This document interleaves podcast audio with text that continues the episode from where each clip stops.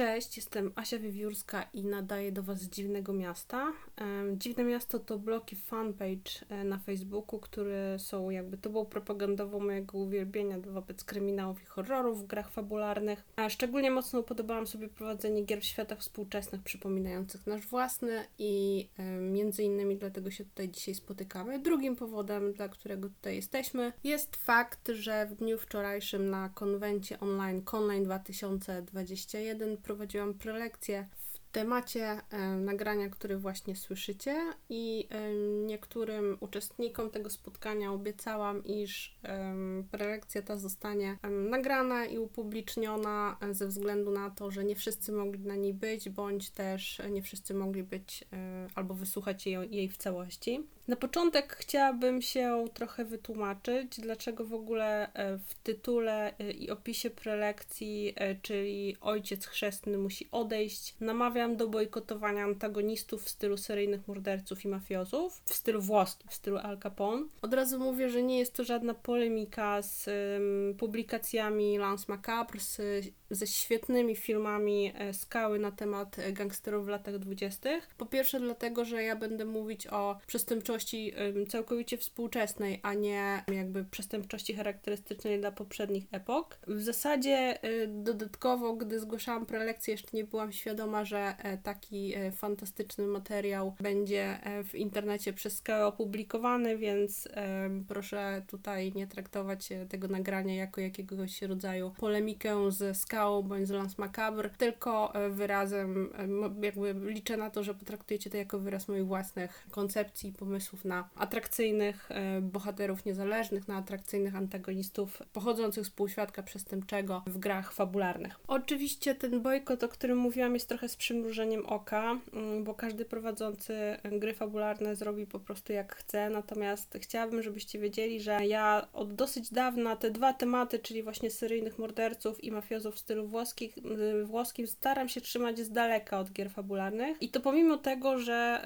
przecież wiele lat temu sama prowadziłam bloga poświęconego seryjnym mordercom, prelegowałam na ich temat na różnych konwentach i pisałam artykuły do jakby publikacji internetowych i do prasy papierowej na ten temat. Słuchajcie, okazało się bowiem po latach, że jakby życie troszeczkę zweryfikowało moje spojrzenie na ten temat. Okazało się, że ci intrygujący mnie wcześniej seryjni mordercy z punktu widzenia procesu śledczego są po prostu znacznie mniej fascynujący, znacznie mniej inteligentni i wielowymiarowi niż ja wcześniej myślałam, opierając swoją wiedzę wyłącznie na jakichś wytworach popkultury typu książki czy filmy. W rzeczywistości są to w przeważającej większości po prostu zwykli, przeciętni mentalnie sadyści, którzy czerpią przyjemność z um, okrucieństwa, z dominacji seksualnej i przeważającej większości nie są żadnymi mastermindami taktyki, e, sprytu e, ani niczego takiego. Takie mitologizowanie seryjnych morderców, które e, zresztą um, zwykle bardzo im samym odpowiada, budzi we mnie um, dosyć duży sprzeciw. Nawet był taki moment, kiedy zbierałam dosyć dużo informacji, jakby które zaprzeczają tym takim, temu romantycznemu spojrzeniu na seryjnych morderców, że ponoć są niezwykle inteligentni i właśnie dlatego przez taki długi czas udaje mi się uniknąć odpowiedzialności. No tak nie jest. E, dowodzą to różnego rodzaju badania, dowodzą to um, upublicznione informacje z dokumentacji sądowej, tak, z ich procesów. Wystarczy spojrzeć chociażby na um, sylwetkę Richarda Ramireza, um, czyli tak zwanego Night Stalkera, tak, nocnego łowcy, któremu udowodniono 14 zabójstw, chociaż prawdopodobnie popełnił ich więcej. A to jest ten człowiek, którego możecie kojarzyć ze zdjęcia z sądu z e, pentagramem e, namalowanym na wewnętrznej stronie dłoni. Człowiek ten e, no, mm, nie był jakby specjalnie financyjny podczas procesów, zeznań i z takich relacji świadków, którzy tam byli, wynika, że Ramirez się nie mył, że zwyczajnie śmierdział, że był odpychający, że zachowywał się jak taki kloszard i tak dalej. Z kolei Eileen Wurnos, czyli morderczyni, zabójczyni co najmniej siedmiu mężczyzn według akt sądowych i badań psychiatrycznych wykazywała intelekt na poziomie gimnazjalistki. A mówi się o niej jako o chyba najsłynniejszej kobiecie seryjnym mordercy, czy seryjnej morderczyni, jaką, jaka się gdzieś zapisała w tej niechlubnej historii przestępczości. Gary Ridgway, pewnie nazwisko niewiele wam mówi, ale pseudonim Green River, River Killer pewnie już coś mówi. 49 udowodnionych ofiar, bardzo dużo, a prawdopodobnie dwukrotnie więcej. No,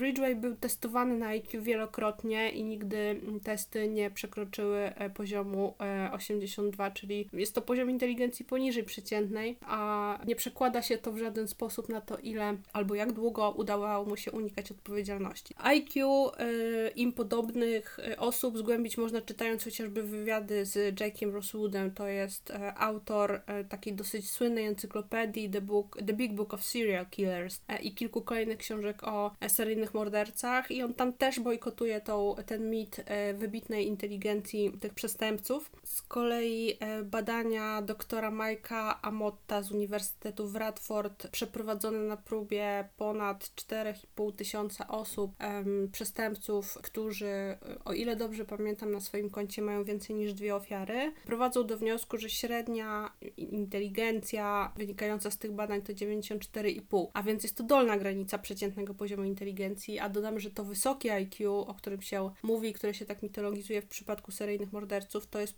poziom dopiero powyżej 140, tak, a geniusz powyżej 160, także naprawdę sporo im w tym zakresie brakowało.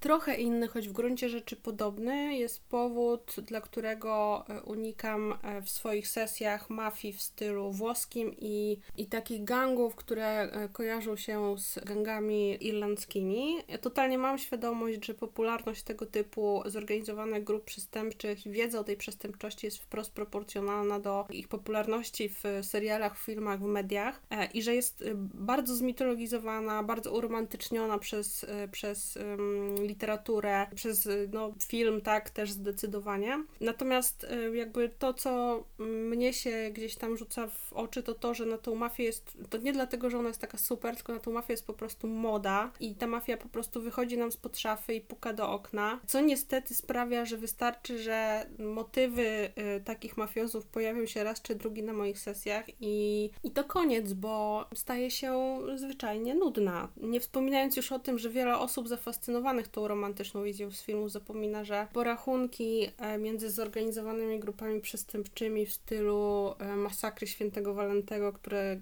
które jakby są tak uromantyzowane, to ledwo jakiś tam ułamek, mały objaw ich działalności, a przede wszystkim e, mafia to jest wysoce zorganizowana machina po prostu przemocy, tak? Wymuszeń rozbójniczych, handlu dziećmi, wyzysku wobec słabszych, zmuszania mężczyzn i kobiet do prostytucji, czy jakby celowego uzależniania chociażby młodzieży, która jest bardzo podatna na ten temat od narkotyków po to, żeby sobie długofalowo zapewnić e, zyski z handlu tymi substancjami. E, niestety to jest też tak, że każda przestępczość, która przynosi krzywdę innym ludziom jest zła, a każda przestępczość właśnie przynosi krzywdę innym ludziom. Czy są to mafia, czy są to seryjni mordercy, czy też taka przestępczość, o której ja będę opowiadać, tak? A więc moje wytłumaczenie, że mafia to jest B, bo, bo to zło, tak? To jest oczywiście grubymi nićmi szyte i nie będę udawać, że tytuł tej prezentacji e, jest troszeczkę takim clickbaitem i chwytem marketingowym, a nie jakby rzeczywistym e, wnioskiem, że nie wiem, że mafia jest zła, a ta przestępczość, o której ja będę opowiadać jest dobra. Absolutnie nie. Nawet brawurowa kradzież, tak? Przez hakera pieniędzy skąd niewinnych osób jest formą przemocy. Natomiast klub problemu zasadza się na tym, nie czy y, o jakiej przestępczości opowiadamy, tylko w jaki sposób to robimy,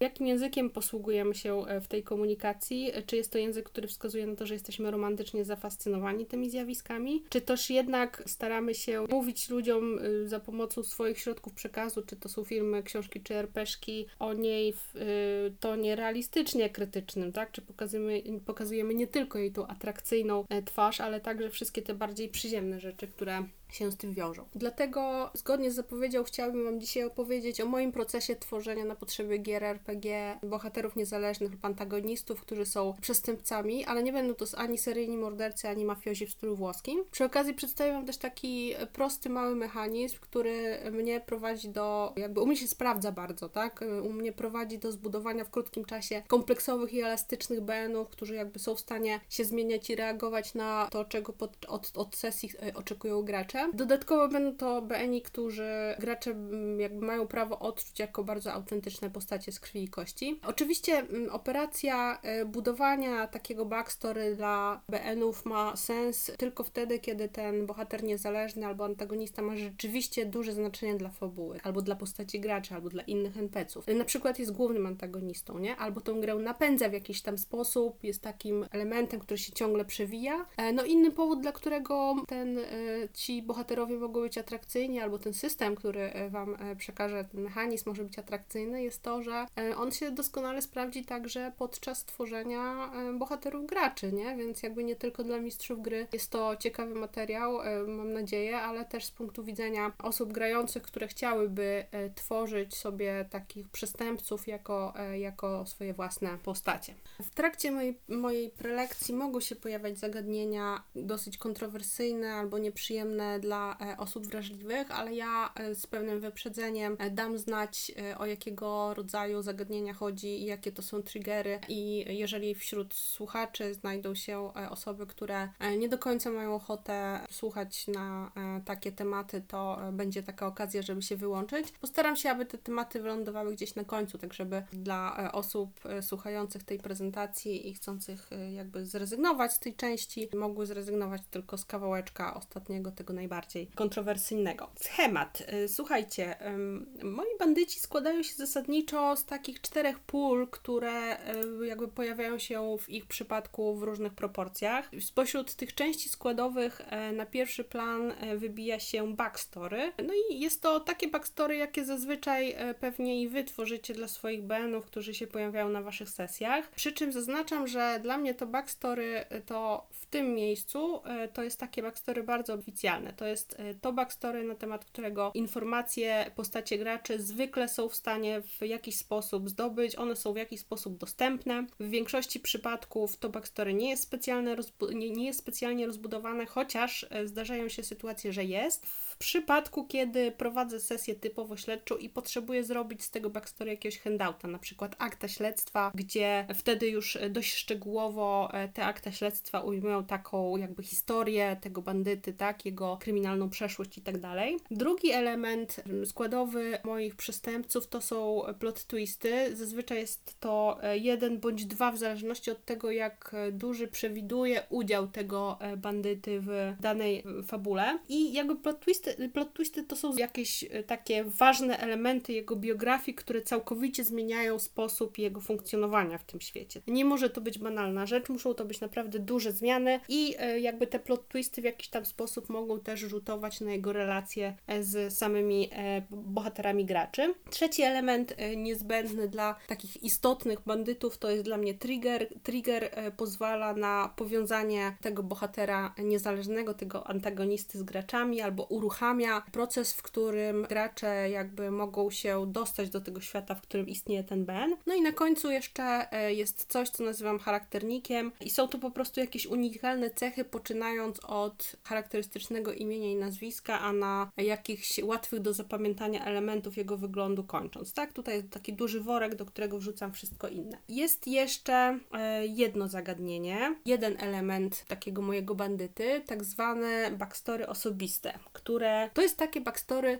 w odróżnieniu od tego oficjalnego, na temat którego można zdobyć informacje z zewnątrz w jakiś sposób albo od świadków, tak? Backstory osobiste to jest takie backstory, które mógłby opowiedzieć tylko sam bandyta i które e, wiążą tego bohatera niezależnego z uniwersum, systemu lub ze światem przedstawionym, który jakby wcześniej e, już z tym do, dla tej kampanii albo dla tej sesji gdzieś tam zaplanowałam albo przemyślałam. Przy czym to backstory osobiste to jest takie najbardziej prawdziwe i najmo, najmocniej pokazujące prawdziwe ja i prawdziwy motyw tego przestępcy. Natomiast ja nie będę o tym backstory mówiła podczas tej prelekcji z tego względu, że ja go nigdy nie tworzę przed sesją. Dla mnie backstory osobiste buduje się w odpowiedzi na działania graczy, tak? I e, uwzględnia te wszystkie jakieś spekulacje i domysły, które dzieją się nad stołem albo in charakter e, pomiędzy graczami, kiedy spekulują na temat tego, kim jest ten złol, kim jest ten bandyta, co sobą reprezentuje i w jaki sposób może im zagrażać. Więc e, wczoraj podczas online e, słusznie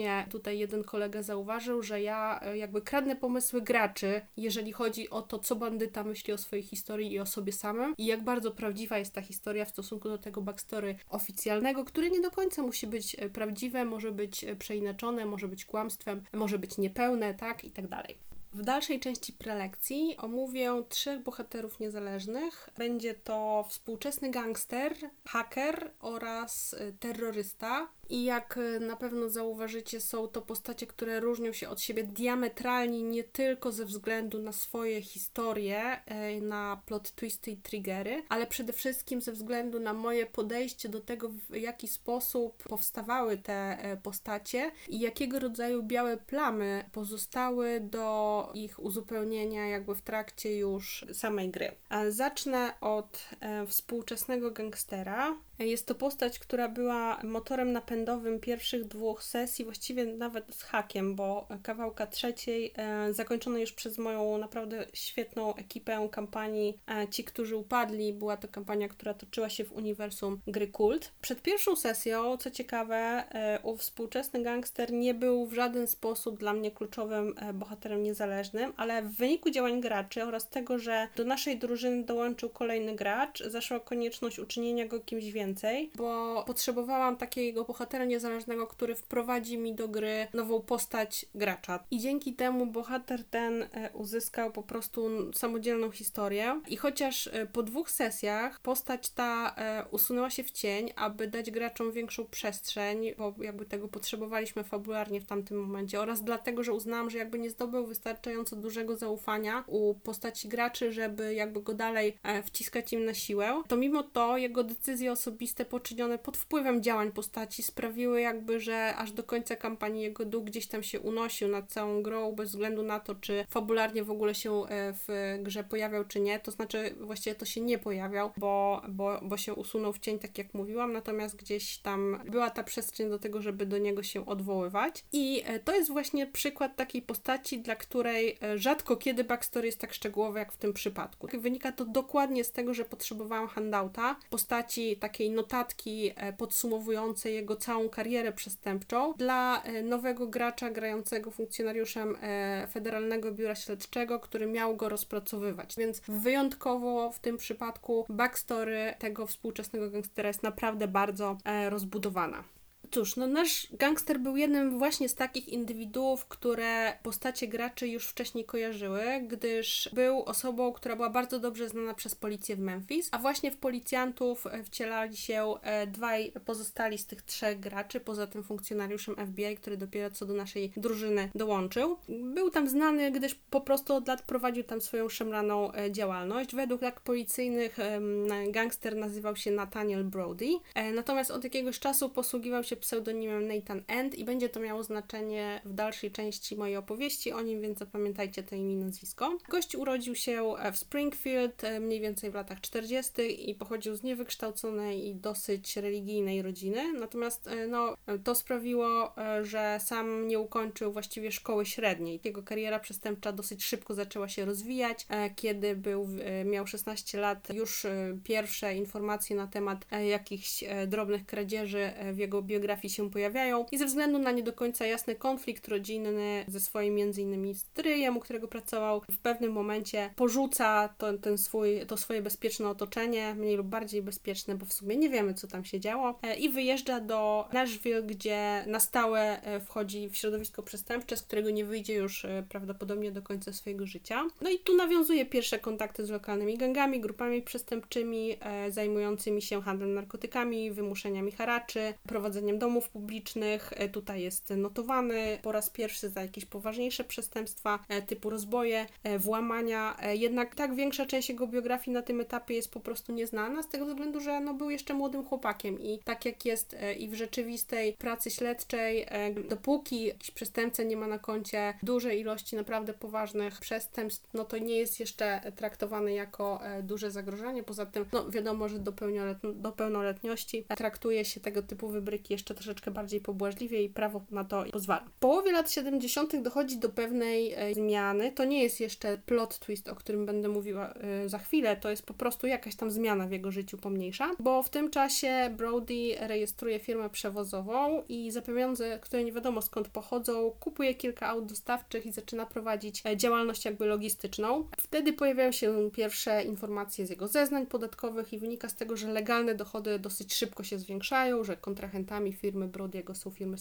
e, są jakby przedsiębiorstwa z całego kraju, co wkrótce pozwala mu uruchomić filię w Memphis, gdzie przenosi się on ze swoją e, świeżo upieczoną żoną, a interes w Nashville pozostawia swojemu wspólnikowi, który zresztą gdzieś tam w tych aktach policyjnych figuruje jako nieżyjący, e, gdyż zginął w porachunkach gangsterskich niedługo potem. W Memphis Nathaniel Brody para się mniej więcej tym samym co w Nashville, czyli przemyt, otwiera e, domy publiczne, handluje narkotykami, a wszelkie próby jego e, oskarżenia kończyły się fiaskiem ze względu na po prostu to, że dobrze to sobie zorganizował i miał od tego ludzi. Co my tutaj mamy w tym backstory? No jak widzicie, mamy oficjalne backstory, które prowadzi nas przez losy, które mogły być udziałem wielu prawdziwych bandytów i jest, i są udziałem wielu prawdziwych bandytów. Jego biografia jest dosyć realistyczna, wzorowana na wielu podobnych losach chłopaków, którzy jakby pełnoletność osiągnęli w czasach kryzysów e, lat 60. Można tutaj też doszukać się troszeczkę polskiego akcentu, bo naprawdę bardzo podobne historie mieli niektórzy gangsterzy z tak zwanego polskiego Pruszkowa, e, czyli nasi rodzimi przedstawiciele zorganizowanych grup przestępczych, którym chyba najbliżej było do mafii kiedykolwiek e, w, w historii, a które pojawiły się w Polsce, albo właściwie rozkwitły, pojawiły się znacznie wcześniej, po transformacji ustrojowej w 1989 roku. Druga rzecz, którą warto tutaj zauważyć, to to, że jego biografia nie ma zadęcia ani splendoru, e, nie ma tam tradycji rodzinnych, mafii sycylijskich, neapolitańskich czy apulijskich, nie ma jakichś takich wybitnych, wielkich historii.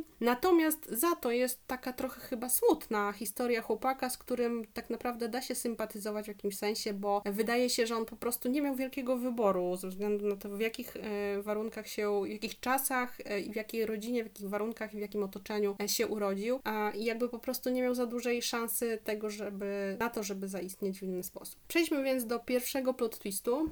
To jest taki mały plot twist. Drugi będzie chyba troszeczkę bardziej istotny z punktu widzenia jakby powiązania go z fabułą e, naszej kampanii albo wprowadzenia do gry graczy. Więc pierwszy plot twist to jest mniej więcej połowa lat 80., kiedy Brody już jako znany i poważany w Memphis gangster zaczyna nagle posługiwać się pseudonimem Nathan End, który w efekcie czego zmienia w ogóle całkowicie swoje nazwisko i ni stąd ni zowąd rozpoczyna organizację takich serii alternatywnych imprez klubowych pod nazwą Church of Dying Millennium, tak? Tak? czyli mm, Kościół upadłego milenium, mniej więcej w takim e, swobodnym tłumaczeniu o którym y, informacje dystrybuowane są pocztą pantoflową. Te imprezy zyskują bardzo dużą popularność. Na pozór odbywają się w dziko, na dziko opuszczonych magazynach, jakichś dawnych halach produkcyjnych, których jest bardzo wiele dookoła Memphis, y, no, będącym już bądź co bądź takim troszeczkę upadającym w tym czasie miastem. Lecz lokalna policja w Memphis wie, że to jest troszeczkę taki chwyt reklamowy, gdyż tak naprawdę, gdyby ktoś sprawdził, to wszystko, y, co robi Nathan End w tym czasie jest legalne po prostu. Lokale są wynajęte lub kupione przez jego firmę przewozową. W klubie zaczyna zatrudniać jako tancerzy i tancerki osoby, które wcześniej zatrudniał w swoich burdelach, w e, ochronie albo obsłudze imprezy e, pracują jego ludzie z firmy przewozowej, e, a same imprezy zdobywają jakby coraz większą popularność, głównie ze względu na to, że ich znakiem rozpoznawczym jest taka bardzo tandetna symbolika religijna związana z apokalipsą i końcem świata, co odbija się w nazwie samej serii imprez oraz oraz w nazwisku y, Nathana Brody'ego, nowym nazwisku, tak, czyli Nathan End. I teraz co my tu mamy? No wydaje mi się, że jeżeli jakby zaczynacie tutaj czuć jakiś taki posmak e, klimatu typu nawrócony bandyta w stylu gangstera Johna Apruciego z Prison Break, no to słusznie macie takie przeczucie, gdyż troszeczkę e, taka była intencja tego plot twistu. Co ciekawe, ten plot twist wprowadza troszeczkę inny klimat, dodaje takiego jakiegoś niepokoju do całej historii Brody'ego, do tego, że może w jakiś tam sposób jest nieobliczalny, albo obłąkany, albo coś w tym stylu. Pojawiają się jakieś apokaliptyczne symboliki, które w kontekście jego organizowanych przez niego imprez i jego samego nadają mu takiego smaku, który sugerowałby nam, że coś poważnego zmieniło się w jego życiu. Drugi plot twist, który zaplanowałam na nieco później,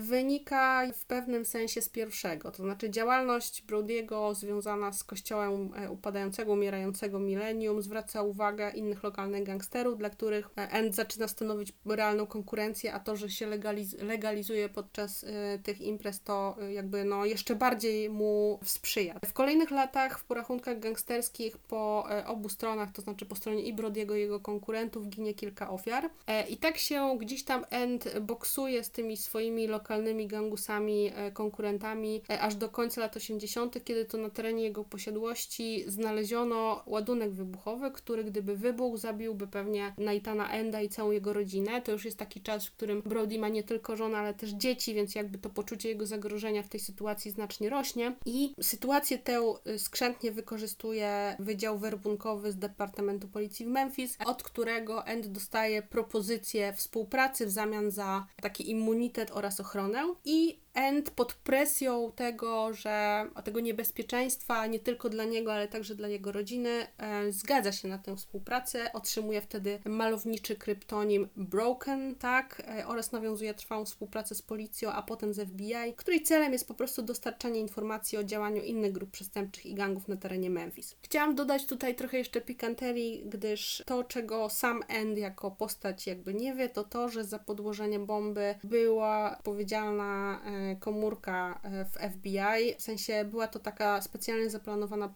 prowokacja, która miała na celu złamać e, Brody'ego, aby ów po prostu udało się go skutecznie przewerbować e, na stronę służb. I teraz, być może ta historia już gdzieś obiła Wam się o uszy, jeżeli tak, to, to całkiem słusznie, bo ja jej sama nie wymyśliłam. Tak naprawdę wykorzystałam do niej motywy pochodzące z historii polskiego policjanta Piotra Wróbla i zwerbowanego przez niego w charakterze informatora słynnego gangstera pruszkowskiego Jarosława Sokołowskiego, pseudonim Masa, jednego z najbardziej zresztą znanych członków grupy pruszkowskiej. Ta historia została też sportretowana w takim yy, no średniej jakości, ale da się obejrzeć serialu sprzed jakichś 15 lat pod tytułem Odwróceni, no i mniej więcej przebiega yy, podobnie. Przejdźmy do Triggera, który wiąże Neitana Enda z postaciami graczy. Tutaj sprawa wygląda troszeczkę grubszego wyjaśnienia, bo na początku pierwszej sesji gracze wcielają się w rolę policjantów Wydziału Zabójstw i e, owi policjanci są wrzuceni w fabułę in media res e, na miejsce e, przestępstwa, na miejsce znalezienia tajemniczych zwłok przykutych kajdankami do kaloryfera gdzieś w jakimś takim wielopoziomowym bloku. I wymyśliłam sobie trigger, dla którego nie mam, nie miałam na tamtym etapie żadnego wyjaśnienia racjonalnego ani merytorycznego. Otóż trigger był taki, że na kilka dni przed śmiercią tego znalezionego przez Wydział Zabójstw Denata Ów Denat jeszcze jako za życia e, pojawił się w kościele Neitana Enda z walizką pieniędzy i kilkoma dokumentami i poprosił samego Neitana Enda o to, aby przekazał te pieniądze i e, gadżety e, gliniarzom, którzy będą prowadzić śledztwo w jego sprawie. Bardzo dziwna sytuacja, która mogłaby znamionować, że mam jakiś plan tutaj wobec Neitana Enda na etapie jeszcze zanim zaczęliśmy poważnie jako drużyna z tą postacią grać, ale nic bardziej mylnego. Ja nie miałam zielonego pojęcia na tym etapie, dlaczego Elliot Spring, który mm, jakby był tym denatem, pojawił się w rzeczywistości u Nathana Enda i uznałam, że ten wątek wypracujemy na żywiole w trakcie gry. Oprócz tego End był wyposażony w, w charakternik, poza intrygującym wyglądem eksponował swoją religijność, nosił na szyi mnóstwo krzyży, y, różańców, y, miał wiele tatuaży z motywami religijnymi. Czasami jak y, rozmawiał z, z bohaterami graczy, starałam się, żeby mówił mówił trochę jak Don Corleone i był taką jego specyficzną karykaturą. E, był to człowiek, który nigdy niczego nie wyjaśniał, który lubił mówić e, zagadkami i pomimo, iż był całkiem groźnym gangsterem jak na e, warunki w Memphis wobec postaci graczy działał troszeczkę jak ojciec wobec niesfornych synów. Co my tu jakby mamy po wszystkim? Podsumowując tych czterech elementów, mamy tutaj naprawdę kompleksowego bohatera niezależnego, współczesnego gangstera, który składa się po prostu nie tylko z bycia gangsterem, jest też człowiekiem niemal z krwi i kości. Jego życiorys gdzieś zawiódł go w różne miejsca, e, obdarzył go doświadczeniem doświadczeniami, które no, mają wpływ na to, jak reaguje na postępowanie graczy. I choć jakby znam wiele faktów z jego biografii, bo ta biografia wydaje się być bardzo kompleksowa właśnie przez to, że przygotowywałam tą jego całą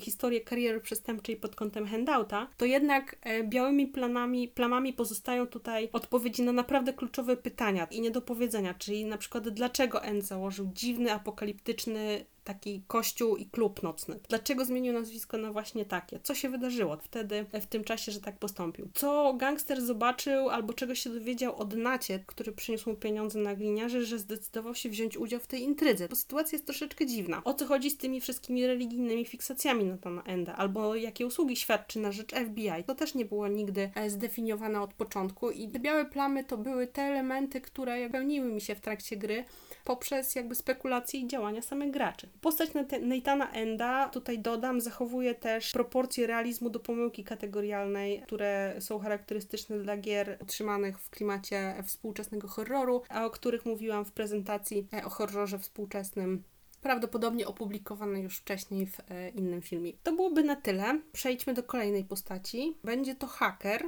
I teraz płeć, w przypadku hakera płeć nie ma żadnego znaczenia, bo ile Brody to był taki gangus e, mężczyzna z krwi i kości, o tyle w przypadku tej konkretnej postaci e, to może być zarówno kobieta, jak i mężczyzna. Z wielu powodów jest to naprawdę bez znaczenia. Wy dowiecie się o tym jakby w trakcie, kiedy będę mówiła o plot twistach tej postaci. Choć postacie hakerów dosyć często pojawiają się w moich sesjach, sesjach, e, to tego konkretnego użyłam tylko raz podczas tylko jednej sesji wiele lat temu i e, nigdy nie użyję go ponownie. E, bo naprawdę chciałabym zachować wspomnienia o tej sesji takie, jakie mam i nie chciałabym tego zmieniać. Nie jest to postać tak rozbudowana jak Nathan N. Właściwie sami zobaczycie, że nic w tej postaci nie ma, przynajmniej na początku, gdyż jakby była planowana totalnie jako jednorazowa do jednostrzału i dodatkowo użyłam jej troszeczkę w takim kontekście, który nie wymaga specjalnie żadnego mięcha od nas. Ostatecznie wyszła z tego bardzo wyjątkowa, eksperymentalna trochę sesja, w której nie było za dużo akcji, za to całe spotkanie bardzo nami wszystkimi, w tym mną jako e, osoby prowadzącej wstrząsnęło i nas zaskoczyło, gdyż no, działo się tam naprawdę wiele niezwykłych rzeczy.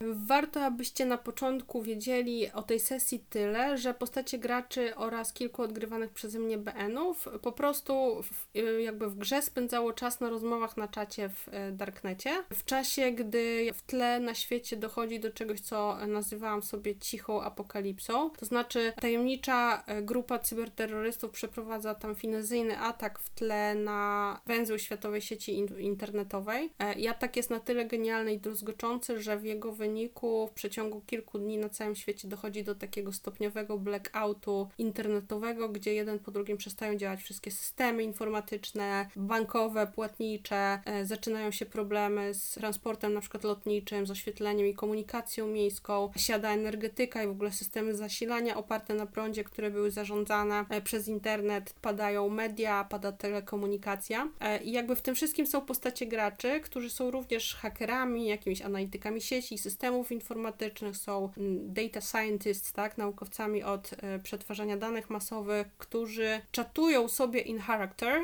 rozwiązując dodatkowo zagadkę zaginięcia z czata jednego ze stałych bywalców i dywagują sobie właśnie o tym kryzysie, który obserwują przez okno aż do momentu, gdy wysiądzie im prąd lub internet i tutaj uprzedzając pytania, bo wczoraj na czacie e, w trakcie prezentacji się pojawiły. Tak, e, myśmy grali e, tą sesję siedząc przy stole, aczkolwiek kuszące byłoby poprowadzenie jej rzeczywiście przez internet, nie?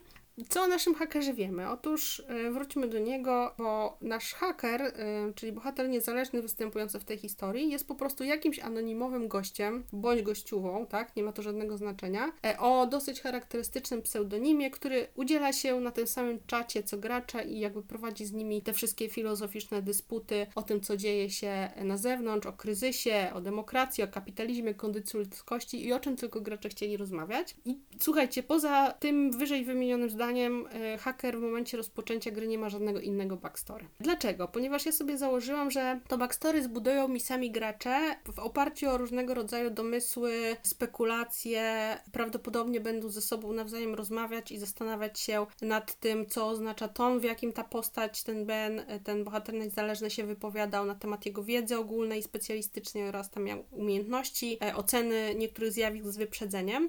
I rzeczywiście tak było, bo gracze jakby wykoncypowali sobie, że ta postać jest najprawdopodobniej pracownikiem albo byłym pracownikiem któregoś z wielkich wywiadów e, na świecie, czyli prawdopodobnie pracuje dla, nie wiem, jakiegoś CIA, dla KGB, dla, nie wiem, wywiadu chińskiego, izraelskiego czy tam brytyjskiego, gdyż według nich jego wiedza o różnych takich insiderskich rzeczach typu, nie wiem, giełda, umowy międzynarodowe i tak dalej była tak duża, że e, no, zaklasyfikowali e, go do tego, do tej szufladki. I ja totalnie łyknęłam to backstory jak swoje i bardzo mi się to podobało, że zostało takie coś przez graczy wymyślone z podstawowego powodu, z, pod, z powodu pierwszego plot twista, który miałam przygotowane. Otóż mój plot twist brzmiał tak, że ten bohater mógł mieć w zasadzie dowolne backstory, gdyż zwyczajnie taka osoba w ogóle nie istnieje. Nie ma tam e, za postacią tego bohatera niezależnego żadnego człowieka, jest za to program komputerowy, który jest bardzo skomplikowanym wirusem i który prawdopodobnie kilkanaście miesięcy temu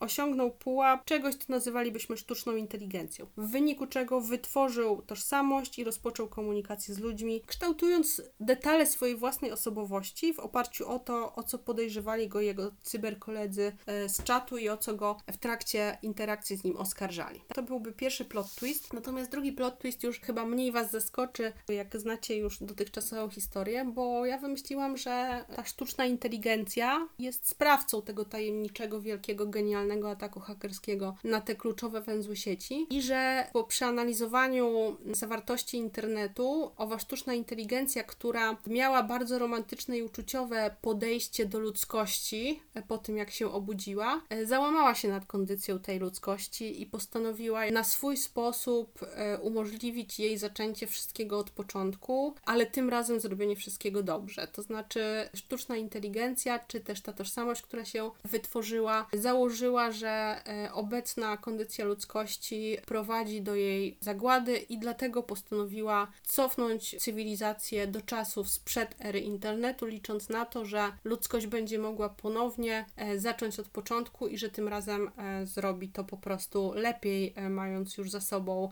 doświadczenia ostatnich tam 20 czy 30 lat. I teraz dodałam do tego jeszcze troszeczkę pieprzu, mianowicie haker, tudzież ta sztuczna inteligencja jest całkowicie świadoma tego, że wraz z momentem, kiedy ostatni bit przestanie, e, bit danych, tak, w sieci przestanie istnieć, on sam po prostu zniknie. Ale jakby w jego stanie umysłowym, emocjonalnym, e, on kocha ludzkość tak bardzo, że po prostu czuje wewnętrzny przymus, żeby to zrobić i po prostu e, jest gotów na swoje samobójstwo dla ludzkości, dla, dla ukochanej przez siebie ludzkości. No brzmi trochę dramatycznie pewnie i rzeczywiście to się mega przełożyło na dramatyzm podczas gry. Naprawdę niezwykłe wspomnienie. Jaki był jego trigger powiązania z postaciami graczy? To znaczy oprócz tego czata, bo chciałam jeszcze dodać do tej gry element takiego kopa trochę dla graczy, żeby jakby na, sam począt, na samym początku, żeby mieli co robić, zanim jakby sami nie znajdą sobie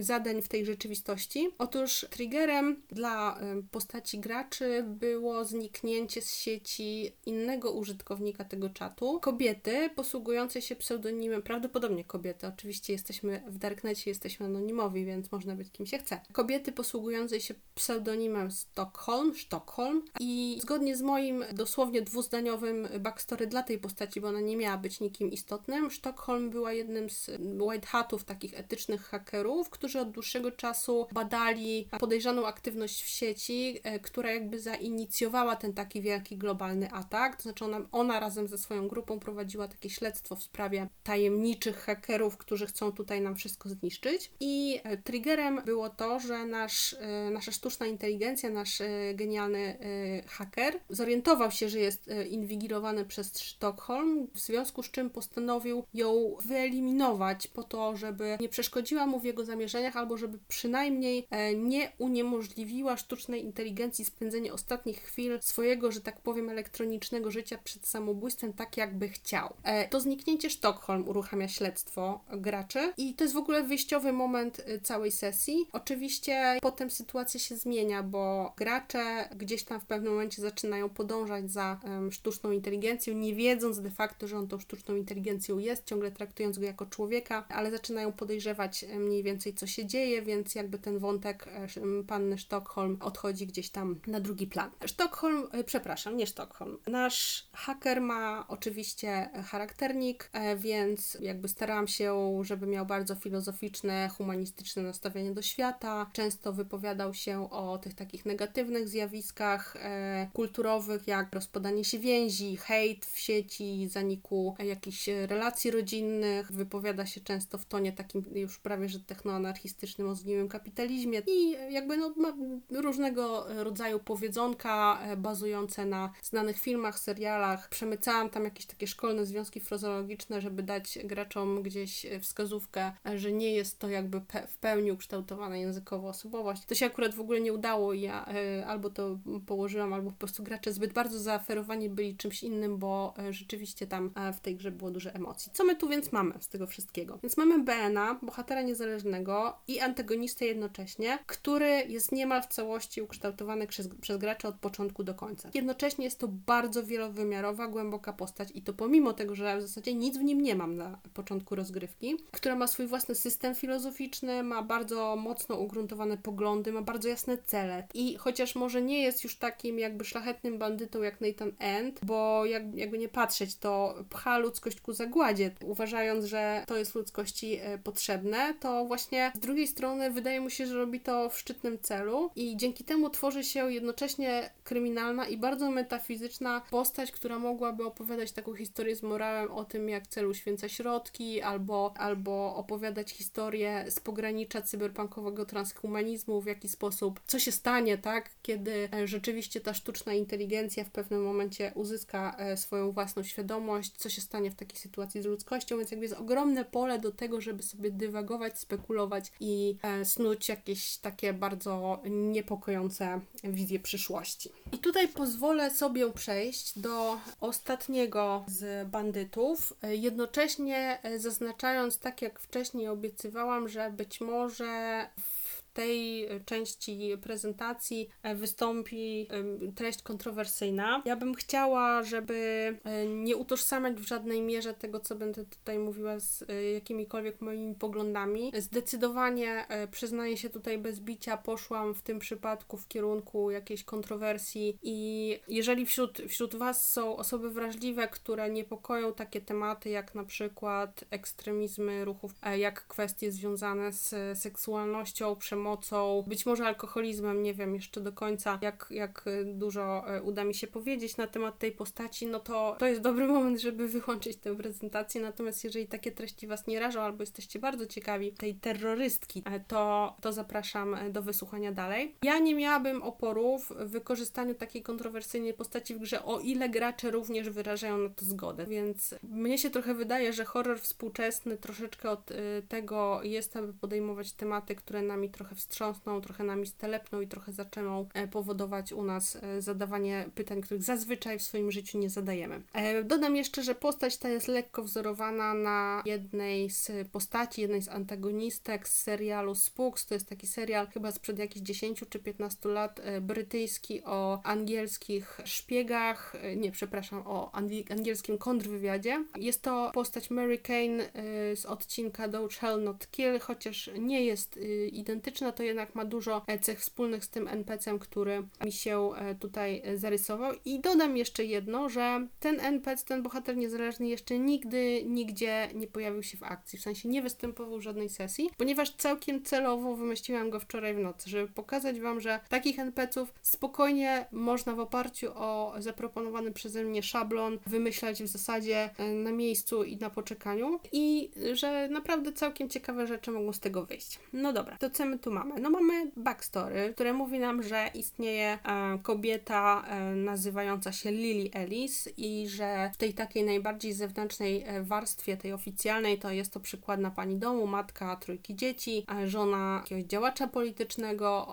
konserwatywnego. Wiemy o niej, że wychowywała się na farmie w małym miasteczku gdzieś w Teksasie jako jedno z kilkunastu dzieci. Wiemy, że jej ojciec nadużywał alkoholu i stosował wobec rodziny przemoc, a matka była bardzo stłamszona i bierna, nie potrafiła tych swoich dzieci gdzieś tam w, odpowiedni sposób od niego odseparować. I dzięki swojej determinacji, e, mimo wszystko, Lily Ellis udało się wyrwać z tego świata, skończyć szkołę, dostać się na studia i tutaj na tym etapie zetknęła się po raz pierwszy z tymi organizacjami i ruchami pro-life, w których e, działalność e, w poszukiwaniu sensu chyba własnego życia głęboko się po prostu zaangażowała. I w efekcie kontaktu z takim tajemniczym, kontrowersyjnym i takim bardzo popularnym guru pro-liferów, którego nazwałam sobie wielebnym Terrym Colem i który ma mieć charakter takiego telewizyjnego kaznodziei trochę, który ubiera się w najlepsze garnitury, jeździ najlepszymi autami, jest bardzo ekstrawagancki i zarabia na tym mnóstwo pieniędzy i jakby często występuje w mediach. W wyniku kontaktu z tym wielebnym postawa Lily Ellis radykalizuje się e, i finalnie staje się e, ona taką zdeterminowaną, e, ekstremisty, ekstremistycznie nastawioną, już nawet z pogranicza terroryzmu pro-life osobą, która nie waha się przed sięganiem nawet po środki masowego rażenia, które zresztą będą triggerem do tej sesji, więc wraz z niewielką grupą przyjaciół Lily Ellis planuje przeprowadzenie ataku terrorystycznego, który będzie wspierał jej jakby sprawę. No i dalej mamy dwa plot twisty, mniejszy i większy e, i oba otwierają takie duże pole do popisu, w sensie dodają tutaj do tej fabuły dodatkowe wątki, które możemy wykorzystać, a naj, jakby najlepiej, najlepsze jest w tym to, że są to wątki, w które jakby gracze mogą chcieć albo nie chcieć wejść. W sensie ich wybór, e, którą drogę sobie tutaj obiorą. Pierwszy plot twist dotyczy jej relacji z wielebnym Terrym Cole, e, którego ja w ogóle najchętniej uczyłabym,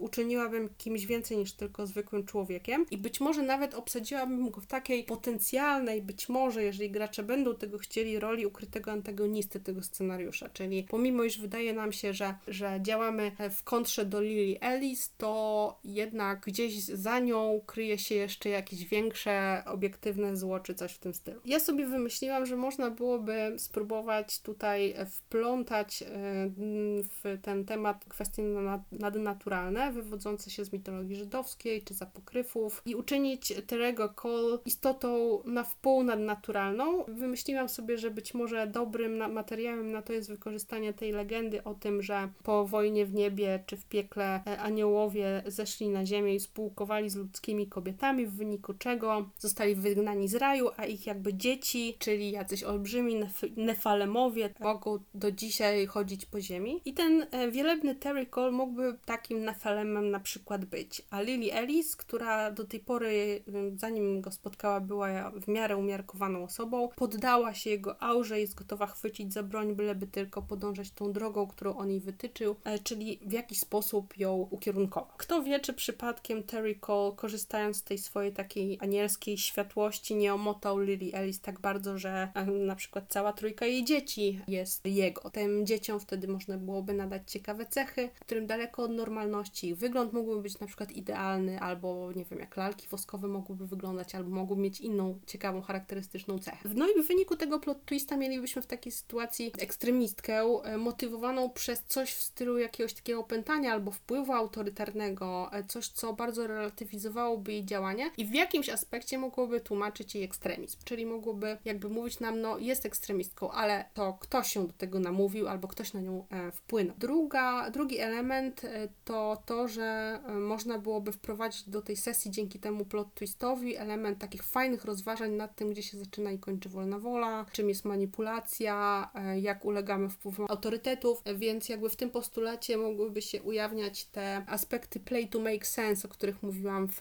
prezentacji czy w prelekcji dotyczącej horroru e, we współczesnym świecie. Drugi plot twist jest znacznie mniej zobowiązujący. E, uznałam, że jakby warto, żeby powstał, ale czy go wykorzystam, to zobaczymy sobie już podczas sesji, która, którą pewnie kiedyś na ten temat poprowadzę. Wymyśliłam sobie, że któregoś dnia sama Lily Ellis odkryła, że jakaś osoba, która, której Alice bardzo ufa, nie wiem, przyjaciółka, sąsiadka, ktoś z tej grupy ich ekstremistycznej, na przykład usunęła ciążę. I jakby spowodowało to w niej szał tak wielki, że Alice po raz pierwszy straciła nad sobą kontrolę i po prostu pozbawiła tę przyjaciółkę, tę jej koleżankę czy siostrę w walce życia. No i jakby ze względu na to, że jest uwikłana w te wszystkie relacje z Terrym Colem i ze swoją grupą, tak, która wymaga od niej e, dowodzenia w sytuacji organizacji aktu terroru, postanawia ukryć jakby e, tą sytuację, ukryć zwłoki, wyprzeć się tego, żeby wiedziała, co się z z tą osobą stało, e, więc tle fabuły mogą się dziać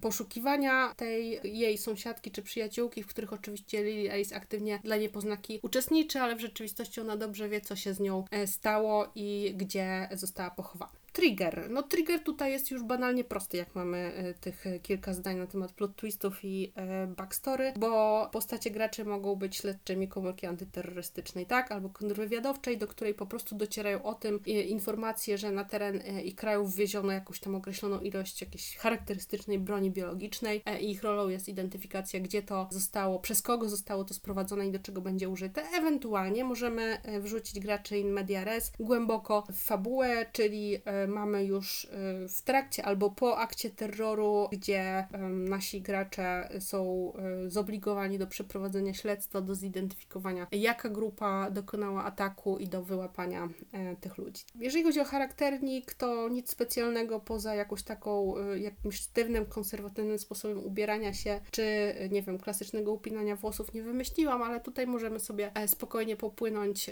stworzyć taką trochę creepy postać, jednocześnie takiej ciepłej, pani domu i takiej no, bezwzględnej, oddanej, no, bardzo niebezpiecznej sprawie morderczyni, tak, czy terrorysty. Dzięki tym wszystkim zabiegom, tym czterem etapom, z Lily Ellis y, buduje się taki bardzo kontrowersyjny temat i równie kontrowersyjna postać. E, mamy tutaj elementy, które wprowadzają bardzo dużo relatywizmu i bardzo ciekawa bym była, jak do, e, do tych elementów podeszliby gracze, czy po prostu zaklasyfikowaliby działalność, działalność e, Ellis do jakiegoś takiego takiego uniwersalnego zła, czy też y, y, szukaliby takich motywów, które ją w jakiś sposób usprawiedliwiają. No ogromna ilość wątków na tych dosłownie kilku informacjach o Lily Ellis nam się y, otwiera, które mogą być podjęte od przemytu broni biologicznej przez atak terrorystyczny, po wątki dotyczące wielebnego, zaginięcie jakiejś osoby albo wątek, nie wiem, dziwacznych dzieci, Lily Ellis i tak dalej. I nie wiem, czy zdarzają wam się, zdarza Wam się w ogóle projektować na sesji sytuacje poruszające jakieś takie kwestie światopoglądowe, ale mnie tak. I taka postać jak Elis, która oprócz tego, że planuje, nie wiem, zabić wielu ludzi, jest także oddaną matką, życzliwą i zaangażowaną w działalność społeczność kobietą, tak, i aktywistką. Buduje napięcia o takim charakterze, jakich się po prostu nie uświadczy, wprowadzając do gry odpowiedniki kolejnych ojców chrzestnych, tak, z mafii sycylijskiej. Podsumowując tą prelekcję, chciałabym jeszcze powiedzieć, że jeżeli jacyś bohaterowie niezależni są ważni dla e, Waszej gry, no to starajcie się albo na, nakłaniam do tego, bo to, bo to buduje fajne napięcie na, e, do pokazywania ich po prostu z każdej strony. I do takiego wprowadzenia wątków, które prowadzą do zadawania przez graczy pytań na temat ich motywacji. Dla jednych może być to, nie wiem, seria niefortunnych wypadków, która doprowadziła ich na drogę przestępstwa, dla innych może to wynikać z jakiegoś wpływu otoczenia społecznego, jak w przypadku gangstera naszego współczesnego, e, może być wpływem charakterologicznym jakiegoś silnego autorytetu, być może nadnaturalnego, tak jak terrorystka, albo może być efektem jakichś takich e, ograniczeń emocjonalnych lub nieumiejętności jakiegoś właś właściwego wykorzystania swojego potencjału, jak w przypadku tej sztucznej inteligencji hakera.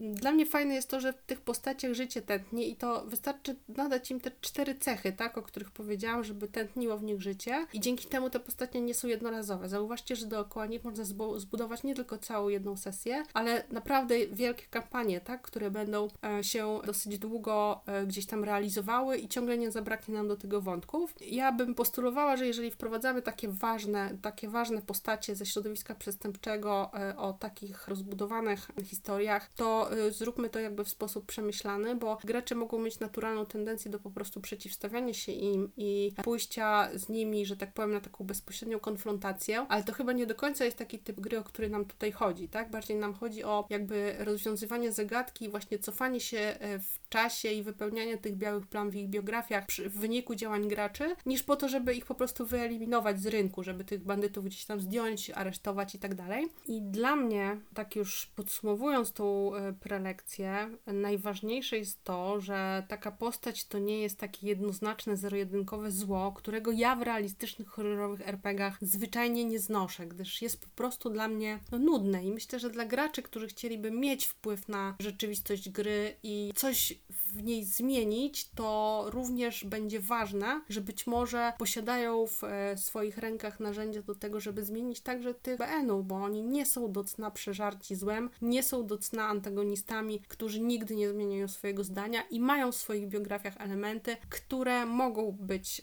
y, kształtowane przez graczy. I takich BN-ów, e, wobec których gracze mogą wykazać postawę proaktywną i rzeczywiście coś w nich zmienić, wszystkim Wam e, po prostu tutaj życzę.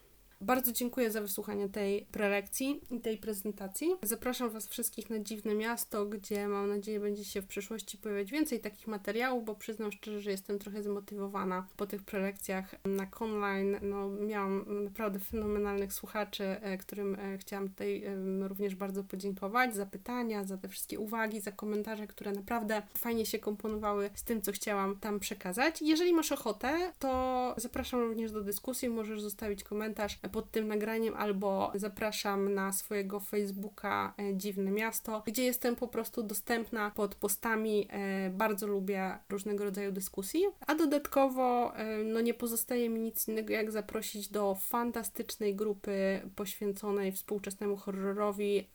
Grupa na Facebooku nazywa się Kult RPG i Modern Horror.pl, gdzie naprawdę w fajnej, kulturalnej i głębokiej dyskusji czasami rozmawiamy właśnie na temat takich rzeczy, o których była niniejsza prelekcja. Bardzo Wam dziękuję za udział. Trzymajcie się. Cześć.